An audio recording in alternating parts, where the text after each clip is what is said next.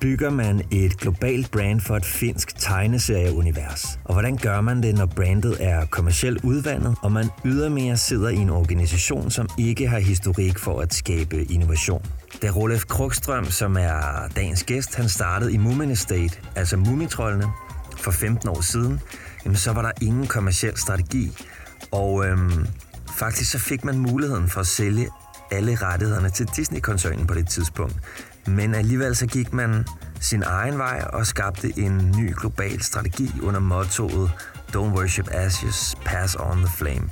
Man vil altså tilbage til kernen og den her helt klare historiefortælling, som Tove Jansson, altså forfatteren til Mumitrollene, havde skabt hendes originale arbejde, som basalt set er otte noveller om kærlighed, inklusivitet og respekt for naturen. Og øhm, nu i dag, der ser det helt anderledes ud. Moomin Estate er et billionforetagende med forlystelsesparker og caféer og produkter over hele verden. Øhm, jeg fangede Rolef, da han for nyligt har været i Danmark og tale på øh, konferencen Kulturkraft, som er arrangeret af Dansk Industri, Kulturmødet på Mors, Kulturmonitor og Bark Scandinavia. Mit navn det er Christian Goldbach. Velkommen til Bark Podcast. So, a big warm welcome to you, Roleff. Um, pleasure to have you here at the Kulturkraft uh, conference in Copenhagen. You uh, flew in from Finland today, so we are very, very uh, lucky to have you here. I was just attending your keynote at the conference. Very inspiring, very interesting, very powerful. Um, the headline was Saving the Moomins, um, referring to a major transformation in your organization, a uh, comprehensive strategic move in your licensing strategy, um, making sure there's a Moomin brand today. Um, and today it's a very healthy business. It's a billion dollar business. Um, but at the same time, you are navigating in a market where Disney puts out two new products every day, so there are challenges too. Um, so in this conversation, you will share um, your thoughts on this, um, and I'm looking very much forward to it. So, uh, Roleff, please take it away. Uh, please tell a bit about yourself and how you started in the Moomin, and maybe elaborate on the state the company was in when you came in. Yes, thank you. It's a great pleasure being here. Um, I I used to work in publishing, so so all my life I've or adult life I've I worked in companies where art and culture meets money. That's been my job. I was marketing director in, in Finland's then biggest publishing company, uh, Werner Söderström uh, company, and uh, I, I spent many years there. I, I started in '93 and I, I moved to Moomin Characters in 2008. Um, my then friend, now wife, so, Sophia Jansson, who is Tove Jansson, the creator of Moomin, it's her niece, had been managing director for a while, and she thoroughly did not like the administrative bit of managing such a big legacy and company. She is still our artistic director and, and very much enjoys that part. Uh, she asked me whether I would come and work for Moomin Characters, and I immediately responded yes. And I found it very interesting. And at that time, we were doing well, but not fantastically. Moomin Characters was still a very wealthy company, very profitable, but we were not growing. Uh, the world had gone global for once, and it had also gone digital. Uh, the very year I started working for Moomin Characters, uh, the first Angry Birds uh, launch happened, and from a Finnish point of view, it was, of course, significant. So, quite many meetings with our licensees, publishers, and partners started by uh, them asking us whether we would have a new film or a new TV series, maybe an app, what is our digital strategy. And we didn't have very well crafted answers because we didn't have any strategy that would support these sort of initiatives. They are also grotesque, grotesquely expensive. I mean, if you want to make a feature film today, it's easily tens of millions of euro, and and a TV series is hugely expensive. If you want to make a relevant app, it's really expensive too. So we we were in a position where we really had to think what to do next. So I, I started uh, uh, since I had worked in publishing, which many people perceive as very old-fashioned and very uh, sort of purely cultural, and not very commercial. I first of all, I, I don't agree. I, I, think many publishers throughout history have been super progressive, and in a way, always been early game changers, and and sort of very capable of sniffing what where society is going, and and uh, so I don't agree that publishing has to be old-fashioned.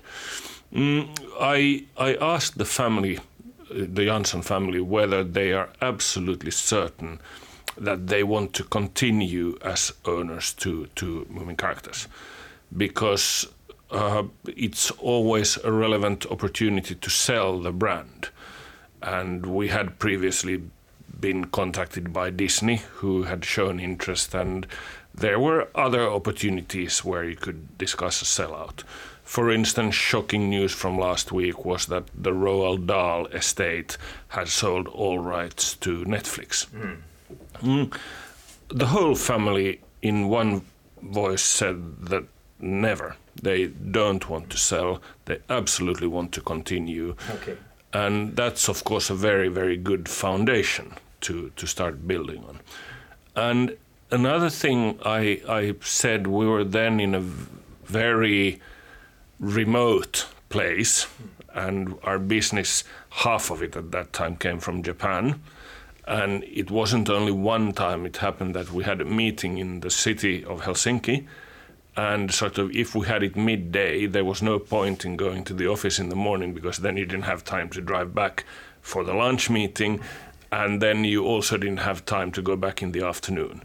So I, I, I started sort of implementing an idea of we have to address the world that we're in. And rather than sort of forcefully and in a negative spiral saying no to everything.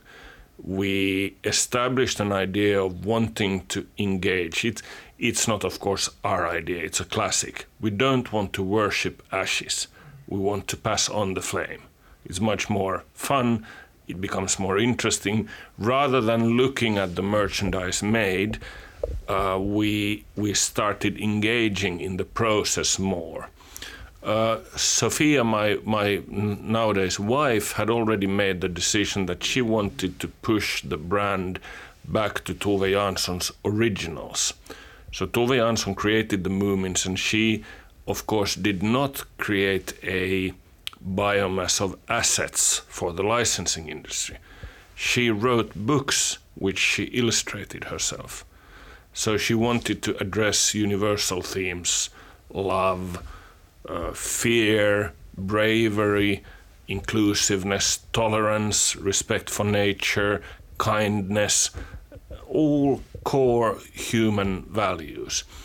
And during the 90s, there was a hugely popular Moomin animation, which was fantastic, but it was more of an entertainment product than it was a, a sort of artistic creation.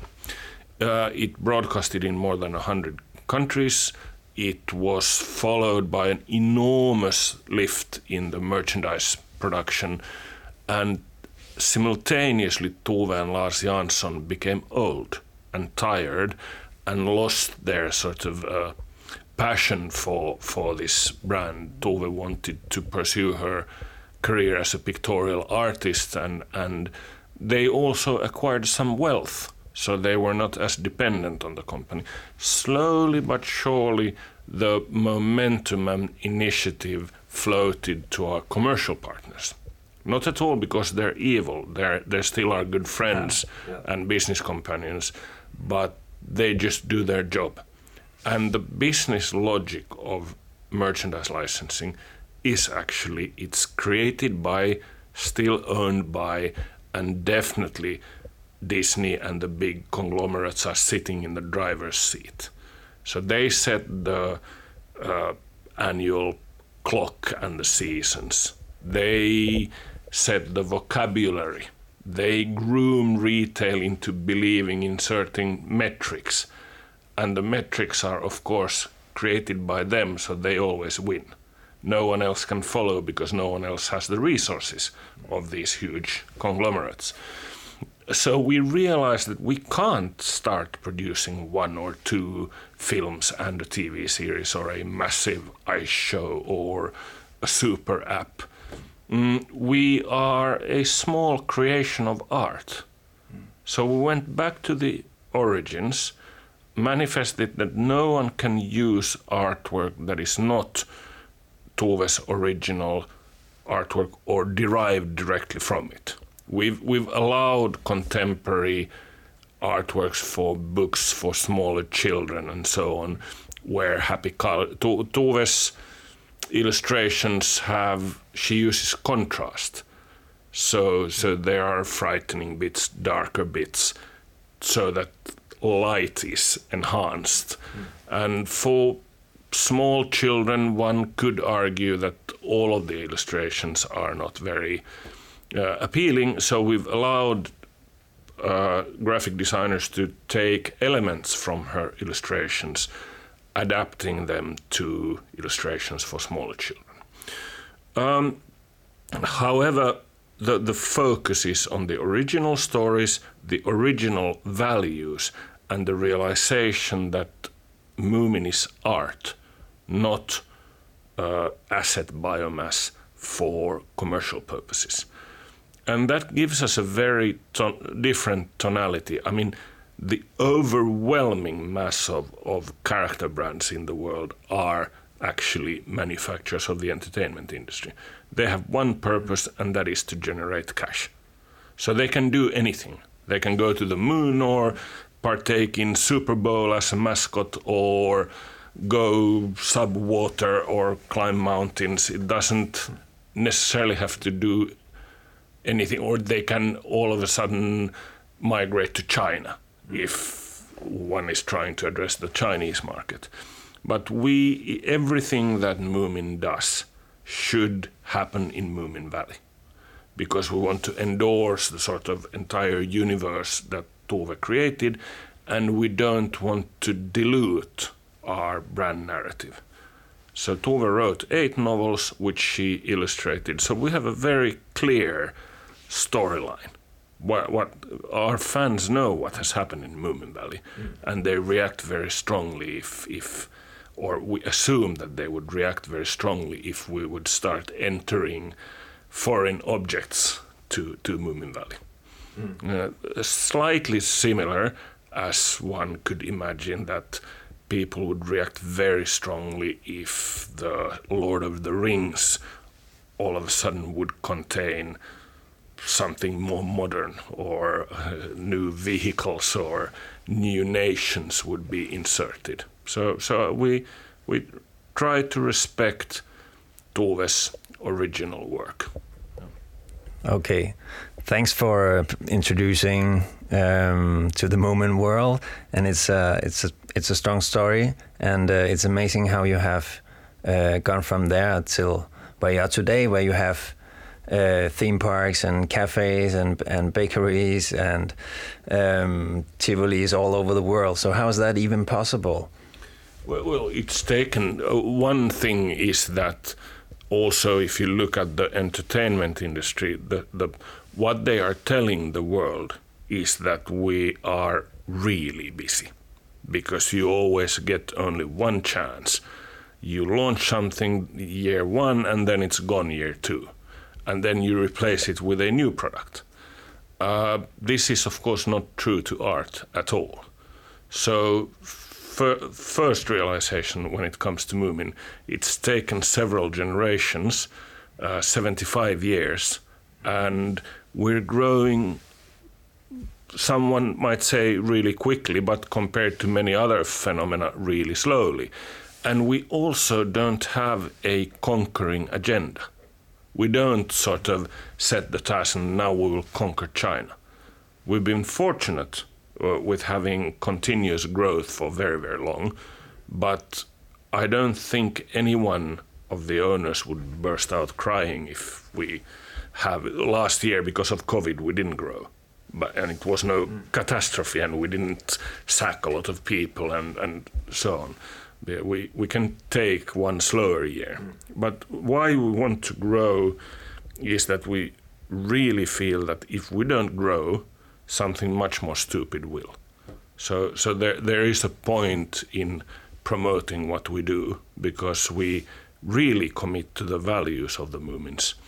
Uh, not only the Moomins, but Scandinavian storytelling for children, it has this sort of roadmap to happiness quality.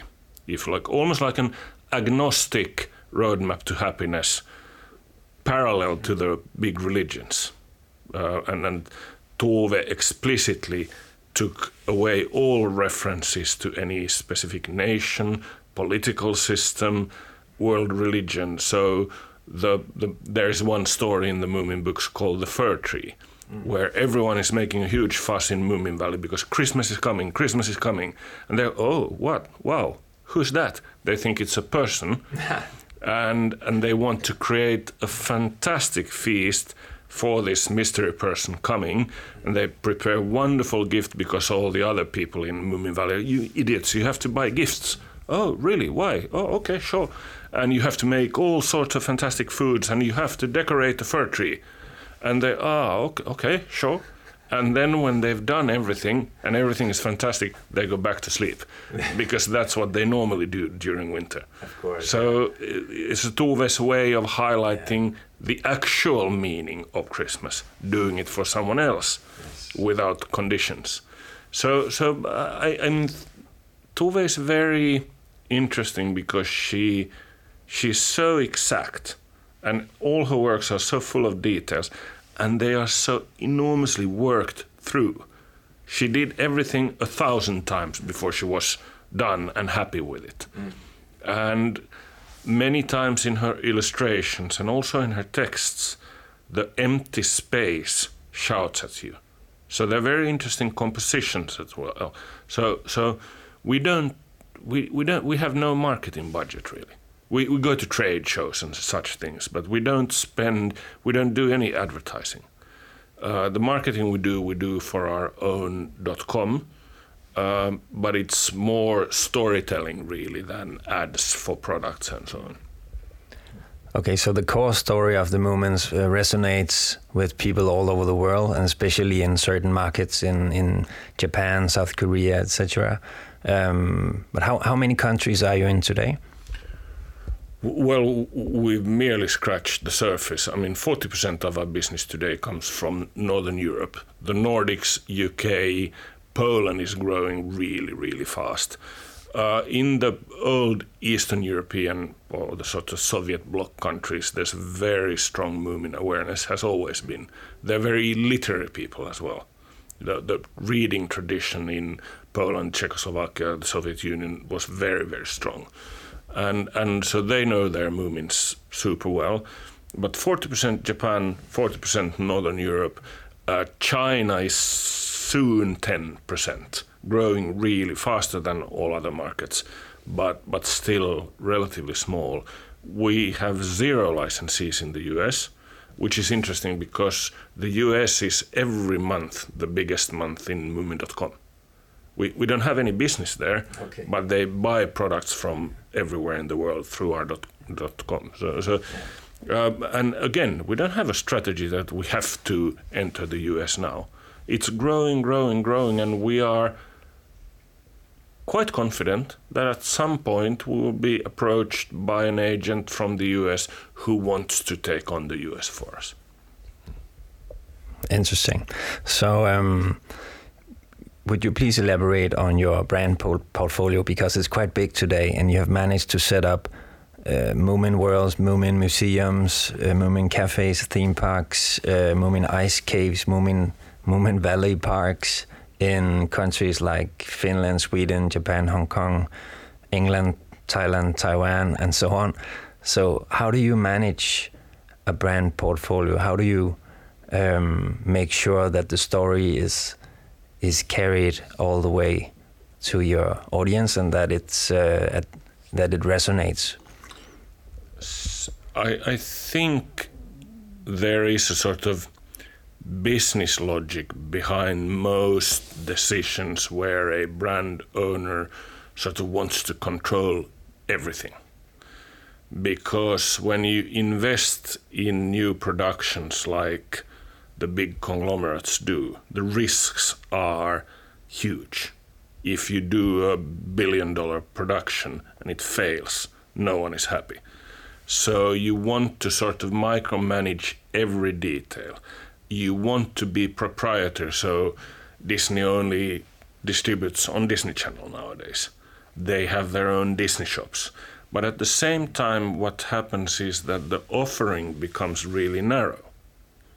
So if you go into any Disney shop today, they will have a sort of frozen mayhem when Frozen is active. But we, again, we allow more freedom amongst our licensees. We, we, we have defined it like this that our task is not sort of cutting our hair ourselves we think it's slightly a, a madman's assumption that we could be best at everything. So we'd rather try to, and we've we've written it down like this. Our job is to, in every generation, in every country, to try to find the best filmmakers, musicians, uh, graphic designers, uh, theatrical uh, directors, uh, publishers and so on and work with them and engage with them because that's again a way of keeping the flame burning rather than sort of patch- packaging a diamond of, of dust mm. and, and worshipping that so I, I, we allow for interpretation all Moomin cafes are not exactly formatted mm. they vary the, the, the cafes in Thailand look very different to the ones in, in Scandinavia. And we, I mean, all details are not fantastic, but we can live with it. Again, because we, we don't see Moomin as a sort of the ultimate asset bank, and you have to do exactly repetition of everything. We quite like the idea that people endorse the creation. And want to engage and interpret. So we don't have these real, we, we do have style guides and we do have clear do's and don'ts when it comes to design. We approve every single product in, in Helsinki at our office. So everything is shipped to us for approval before anything is produced. Um, and how do you manage that? You do it digitally. So it's very sort of almost Tinder-esque nowadays how the approvals system works. It's very intuitive, very quick. You can do it on your mobile. You, you get a, a file with a picture and sort of renderings of, of the products that, that our licensees want to make. And then we have six, seven people in our approval team who quite seldom have these really complicated discussions. Uh, the world is a little bit boring today because 99% of everything we receive is fantastic. Well, 20 years back, you got really cra- crazy ideas. Are you see, is this sort of candid camera? yeah, but th- that never happens again. People are very sleek today and very professional. Okay, so taking all this into account, all your points on licensing strategies um, and how you can actually become a, a, global brand in this matter. What is your best advice for, let's say, a cultural organization that wants to go the same way, wants to go the licensing way and capitalizing on the assets that are already there, mm. um, but how to find the building blocks and how to uh, actually um, um, develop this into into products that could go into shops all over the world. How do you do that? Because the cultural field is very badly funded, mostly. No one has any money. people are very frightened and don't want to generate costs, but still, and this is not a provocation, and I, I'm not crazy, I do realize that Moomin is very fortunate because we already have money. But um, turn to specialists, turn to agencies, turn to licensing agencies, create a recognizable visual identity. Try to find the most talented people in publishing in depending of course in which field of arts you are um, engage with the digital realm because otherwise you can't become relevant.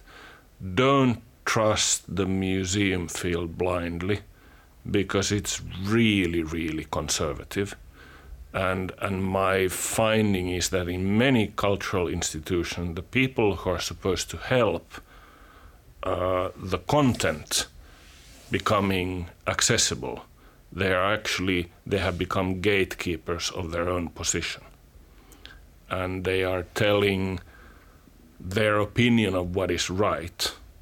But I, I honestly don't feel that is the museum's or any cultural institution's task to tell people what they think is right.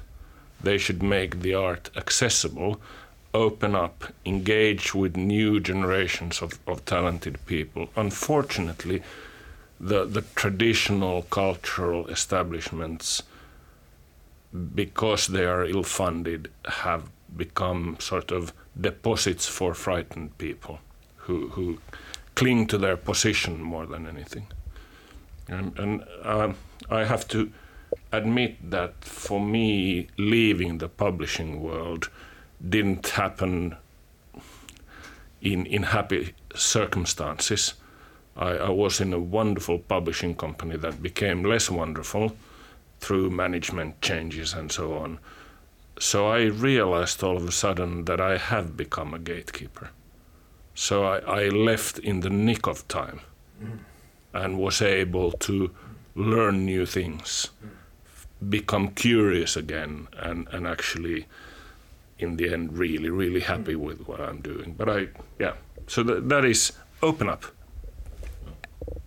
Interesting. And how do you open up? How do you let the world around you become co-creators of something that you actually want to protect? Because there's a balance there, right? There is a balance. You you have to, of course, establish what is core and what is really important, and then protect that. But again, I, I slightly repeat myself. You don't want to end up in a situation where you worship ashes. You want to carry the flame. And generations are different. The, my children view the world absolutely differently than I do. And regardless of what I do, they don't want to listen to the same music. They don't want to go to the same restaurants. If I don't engage with them, I become really lonely. Mm. So, so uh, we were able to turn. We were in a no-saying spiral for for a few years, where it became. It wasn't a happy place, and then we sort of looked in the mirror rather than poking holes at what other people do. And sort of forced ourselves to engage with tons of new people and companies and we really didn't know how it would go. We had no idea and, and we were scared out of our wits. It could have gone really really wrong. And our old partners were not pleased. And hundreds of people had opinions about our new way of working about me as a person about how we're taking enormous risks both in house and around us. So I, I think Tove Jansson, perhaps her finest quality, I think, was how incredibly brave she was. She started her career as an adult in fascist or fascist Europe. Mm. And she openly mocked Hitler, Stalin, all the dictators in political newspapers with really hardcore uh, satire mm. on on their name, and and I mean she was a small petite w- woman. She was gay and from a language minority in Finland. It could have gone really wrong. And, and yet she stood up for all these values. She also lived with a woman for 25 years because, before it was legal in Finland. And she did what she wanted and what she stood for without knowing even if she will survive. Mm. So we, we, we thought that we must have some courage mm. to take risks and engage in new ways of working, although many people told us we're doing the wrong thing. So that's what art is about. That's what art is about. Yeah, exactly. Yeah. Taking risks. Um, so um, one last question: What will the future look like for the Moomins? I, I honestly hope that I don't have to worry about the future for so terribly long anymore. Uh, we have five children, none in common, but all our five children work in the group, and they are much more talented than we are. They have better education, they know more languages, they know the new people whom we don't. They think we are ridiculous, and in many aspects, they're right. Uh, so I, I, hope that I can enjoy some degree of success for maybe 10 years more. And then I'm hoping that the next generation will completely jump up and down on our silly ideas and come up with new ones. I, I, would love to see that. Thank you so much, uh, Roleff, for sharing your thoughts. Um, and being very honest on ups and downs in the in the Moomin licensing uh, strategies. So uh, it's been a pleasure having you here, and uh, have a safe flight uh, back you. home. Thank, Thank you. you. Thank you. Have a lovely weekend. Thank, Thank you. you.